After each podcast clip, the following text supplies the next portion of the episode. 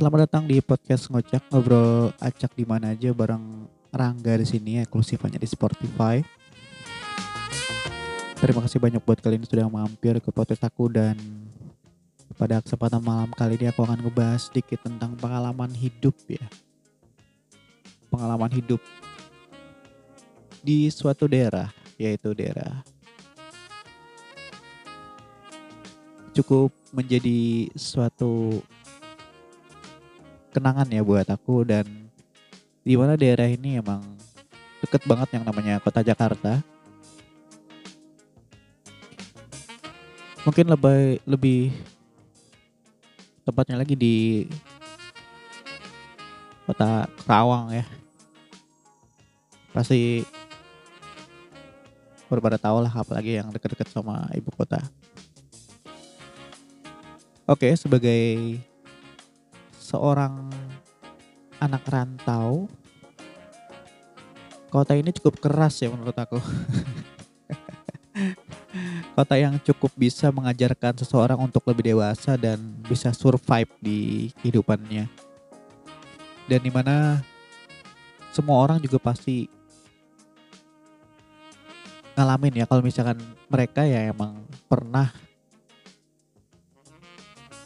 tinggal atau survive di daerah orang ya yang jauh dari tempat tinggalnya. Dan aku yang juga anak daerah yang waktu itu lagi kuliah ya dan bener-bener yang baru banget yang namanya ngerantau di daerah orang.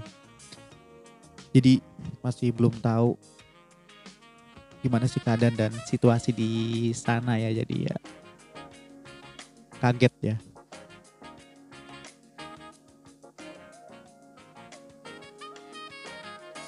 Mungkin untuk pengalaman pertamanya emang agak sedih juga ya karena emang jauh dari orang tua ya. Sedih banget. Dan ternyata dari bulan ke bulan tahun ke tahun juga udah terbiasa ya karena emang udah kaget ya. Dan di sini mungkin pengalaman hidupnya adalah uh, hidup di daerah orang yang beda banget sama bahasa daerah kita kita sendiri ya. Dan nggak semua bisa welcome ya. Yang aku dari daerah lain tiba-tiba datang ke daerah orang dan gak semua teman-teman di tempat aku ini welcome dengan orang daerah beda daerah dari daerah asalnya ya. Yang paling cenderung itu adalah dari sisi bahasa. Itu kayaknya kalau menurut pengalaman pribadi ya, hanya segelintir teman-teman yang bisa menerima yang yang welcome, halo ya dari mana, dari mana asalnya? Kok bahasanya agak beda ini ya kan? Terus dia tahu aku dari daerah Kalsel gitu ya. Oh iya katanya wah jauh ya kok bisa di sini ya? Ternyata emang kebetulan aku punya uak di sini ya uak di uak di Kerawang. Dan uak ini apa ya? Kakak dari bapak ya. Nah jadi disebutnya kalau daerah Sunda. Emang aku kental banget ya untuk untuk darah darah Sundanya. Kebetulan bokapku dari Tasik, ibuku dari Kalimantan. Dan emang udah waktunya yang oh lu harus kuliah di sana gitu kan. Lu harus bisa ngerasain yang namanya hidup di daerah orang. Mungkin aku kira gini ya, uh, seseorang yang beda daerah itu mungkin agak agak lama gitu ya bisa bermba, membaur gitu ya. Padahal aku emang dari awal udah welcome. Aku adalah uh, satu-satunya mungkin satu-satunya mahasiswa yang pas waktu kelas pagi itu emang gue ah ngapain nih ya kan entah nggak tahu juga kenapa ya emang aku tergerak untuk wah ada buku nih teman-teman udah pada ngobrol masing-masing gitu ya dengan bahasa mereka masing-masing aku inisiatif untuk uh, nyatet nomor handphone atau nama nomor handphone sebagai perkenalan. Emang waktu itu dulu tahun 2008 itu emang smartphone kayak masih belum belum booming ya. Jadi lebih lebih ke handphone Nokia sama BlackBerry. Emang BlackBerry itu sekitar 2009 eh 2019 apa 2010 gitu ya kayak Oh sorry bukan 2019 2009 kalau nggak salah ya itu baru booming BlackBerry. Nah, jadi di sini untuk untuk apa ya? Untuk berbaur dengan orang daerah situ emang kita harus interaktif gitu ya. Kita jangan hanya diam dan harus aktif gitu. Walaupun sebenarnya aku nih orangnya emang pertama tuh malu ya karena ya ngapain sih nih kan nih buat mahamin daerah e, bahasanya kan beda kalau dia ngomong sih pertama emang nggak ngerti ya cuman lambat laun kayak udah bulan ke bulan kayak oh udah tahu nih artinya kan. Dia ngomongin gue tahu gitu. Tapi e, dari sisi pengucapan pada waktu itu aku masih belum ngerti gitu kan. Jadi ya sedikit-sedikit udah bisa mengerti lah. Oke okay. uh, eh, kenapa aku bilang untuk daerah kota ini emang keras ya buat aku? Karena sebagai orang yang tinggal di daerah orang gue nggak bisa ngarapin apa itu yang dari uh, pemberian dari orang tua ya. Jadi dari mulai saat itu uh, muter otak. Gimana sih caranya dapetin uang atau yuk kerja gitu kan. Gue pernah gue pernah kerja di OP warnet. Gue juga pernah kerja di salah satu retail apa sih uh, mart mart gitulah sorry nggak bisa nyebutin. Uh, gue juga pernah kerja di suatu marketing properti di salah satu perumahan di Kerawang. Dan nyeselnya dulu kenapa pada saat itu aku nggak beli salah satu uh, rumah gitu ya. Pada waktu itu emang aku kerja di situ. Nggak kepikiran sih sebenarnya. Ya jadi yang dipikirin pada saat itu adalah kuliah kuliah dan kuliah gitu kan. Nggak mikir kayak cari uang atau cari karena uh, kerja di suatu perusahaan properti ya harusnya ngambil aja satu ya kan. Jadi aduh nggak kepikir lah.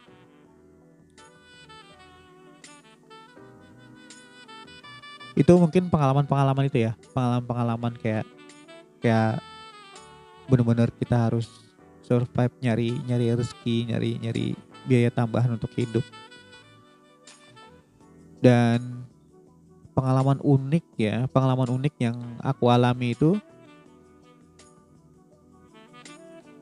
jadi se aku itu pernah kuliah dan mengikuti jam-jam jam karyawan karyawan kerja kan waktu pada pada saat itu dan habis kuliah kita nongkrong uh, ngobrol-ngobrol biasa lah ya nama anak-anaknya anak-anak kuliahan nongkrong. Dan habis nongkrong pulang ya misah-misah tuh mencar. Dan pada pada saat di jalan entah kenapa pada saat itu aku lagi kayak ngebales SMS ya. Ngebales SMS dan tiba-tiba ada dua orang cowok kayaknya sekitar umur 40 tahunan gitu dia nyamperin dan dia langsung nanya mas counter handphone di mana ya? Kata dia gitu kan. Wah counter counter handphone kayaknya di belakang mas. Itu sekitar 100 meteran lagi. Dan tepatnya ini di stasiun Kerawang ya depan stasiun Kerawang. Nah terus dia nanyain e, saya mau jual handphone nih mas. Ya barangkali sampean minat gitu kan. Wah tak kenapa juga nggak nggak tahu juga ya. Mungkin salah satu trik mereka untuk kayak kayak ngipnotis gitu ya. Jadi dia ngeluarin handphone dia nawarin handphone. Bagus loh mas katanya handphone ini ini, ini segala macam. Dia kayak semacam uh, ngasih tahu ini handphone gitu entah kenapa juga ya gue langsung kayak zep hilang kesadaran gitu ya. Tiba-tiba gue kayak ngerasa ah kayaknya gue harus beli nih handphone. Dan gue sadar gue sadar dengan apa yang gue lakuin tapi gue kenapa tangan tang semua semua tangan gue ini kayak kayak mau nyerahin semua gitu loh. Oh iya uh, boleh mas kata aku kan. Uh, saya copot memori sama sim card dulu ya kata aku gitu kan. Udah tuh. Udah udah kayak mau nyerahin handphone udah aku serahin Terus pada saat dia pada saat dia kayak ngasih tahu bahwa itu handphone udah nyala gitu ya kan. Pokoknya handphone paling bagus lah menurut aku. Jadi handphone yang dia ada punya dua handphone, handphone Pak Asus sama handphone asli ya. Ya yang asli ditunjukin ke aku dan yang diserahin itu adalah handphone yang udah yang mainan gitu kan, yang replika. Dia kasih terus aku juga udah nerima tanpa sadar juga aku ngasih handphone aku pada saat itu no handphone aku apa ya? Layar sentuh juga sih kalau nggak salah.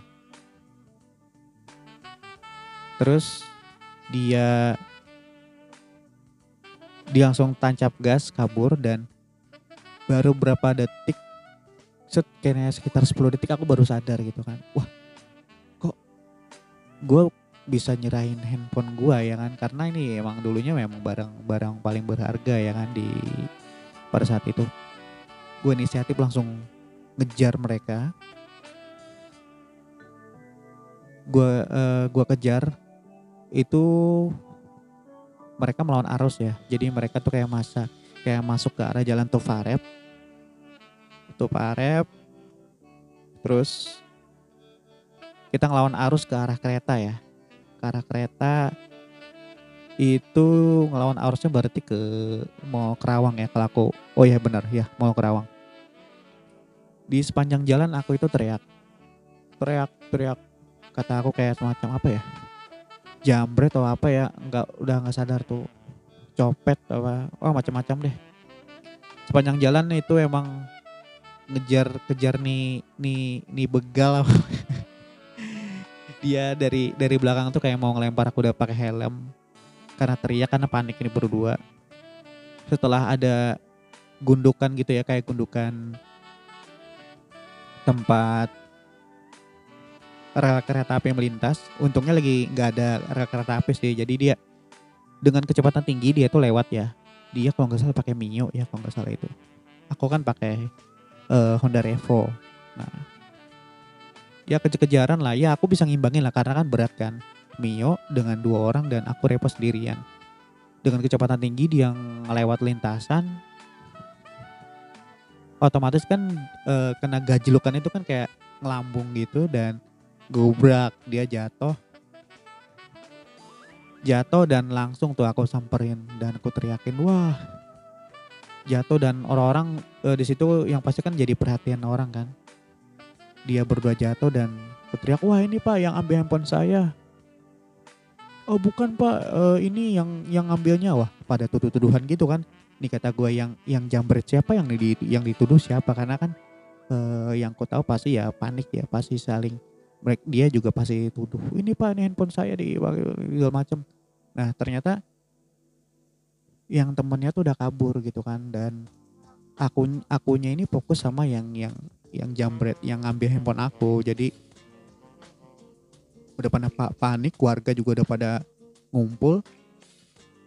Ya udah ini oh alhamdulillahnya sih warga-warga di sekitar situ percaya sama aku. Dan yaudah kita bawa deh bawa ke polsek terdekat. Dan di situ kan penyidiknya belum belum belum datang gitu ya. Baru ada yang kayak piket gitu ya pak polisi. Nah di situ tuh kesempatan aku yang bener-bener yang baru yang namanya gebukin orang tuh baru di situ ya. Gak mikir panjang pas nyampe situ ngomel-ngomel karena udah emosi handphonenya udah udah rusak. Uh, dulu itu kan aku paling seneng pakai sandal Eger ya. Yang ngambil handphone aku ini kan duduk gitu ya dia udah nggak bisa udah nggak bisa berkutik lah. Aku ambil aku ambil sendal Eger terus aku pukul itu mukanya sampai bibirnya berdarah karena aku yang yang udah emosi banget ya ya itulah. Kata polisnya udah tenang tenang nih jangan kayak gini. Singkat cerita udah udah di udah di BAP segala macem. Besoknya penyidik ini datang ke rumah dan uak cewek aku juga panik kan Angga itu ada ada pak polisi katanya kan di ru di ruang tamu. Ada apa nih? Oh kata aku aku udah bisa dong nebak pak polisi ini. Terus dia iya pak selamat pagi. Oh ini mas A, mas Angga yang tadi malam di polsek ya? Iya pak kata aku. E, gini katanya kan dari ini kan ada proses katanya kan istrinya nyam, uh, istrinya ada ke polsek katanya kan minta didamaikan saja. Masnya mau minta ganti rugi berapa gitu kan handphonenya. Jadi untuk proses proses hukumnya tuh nggak dilanjutin gitu kan karena uh, demi kemanusiaan istrinya juga lagi hamil. Kata aku kan aduh susah nih kalau ngomong kayak gini. Ya udah aku bilang uh, seberapa harga handphonenya aja pak kata aku gitu kan untuk ganti handphonenya akhirnya uh, kedua polisi ini mau gitu kan untuk mengganti handphone dan kita sepakat untuk berdamai. Dan akhirnya damai lah semuanya kan, udah beres segala macem. Dan itu menjadi suatu pengalaman yang gak bakal gue lupain kayaknya ya. pengalaman yang bener-bener di luar bayangan gitu kan. Kok bisa ya pengalaman ini bisa terjadi sama hidup aku gitu kan apalagi di yang aku tahu kota Kerawang nih ya dikiranya ya ya biasa-biasa aja damai-damai ternyata ya penuh tantangan dan balik ke cerita aku yang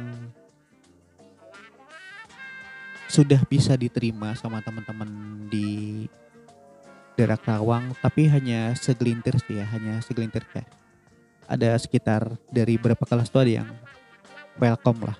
Kayak enam orang tujuh orang yang yang mau nerima aku yang mau nyapa yang mau diajak jalan-jalan. Ya pokoknya yang welcome sama orang de yang welcome sama orang luar daerah lah. Dan aku sangat menghargai banget sih sebenarnya teman-teman yang seperti ini ya. Dia dia mau nerima kita welcome. Dan gak semua orang bisa terima ya dari dari sisi ini ya. Dan kebalikannya sekarang ya di sini di Kalimantan Selatan teman-teman yang dari luar daerah itu aku harapin sih sebenarnya kita udah welcome. Gitu kan.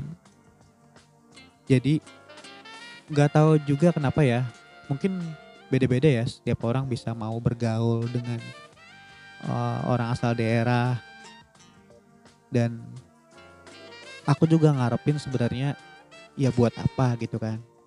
Ya mereka sebenarnya harus bisa lebih welcome. Ya toh kita juga welcome sama mereka. Welcome banget sih sebenarnya. Dan biasanya sikap mereka macam-macam ya. Ada yang ada yang welcome ya berapa persen lah yang bisa welcome dan mau berteman atau ketemuan atau traveling bareng dan jalan-jalan bareng di sini. Cuman balik lagi ya kalau teman-teman yang dari luar daerah bisa welcome ya enak sih ya.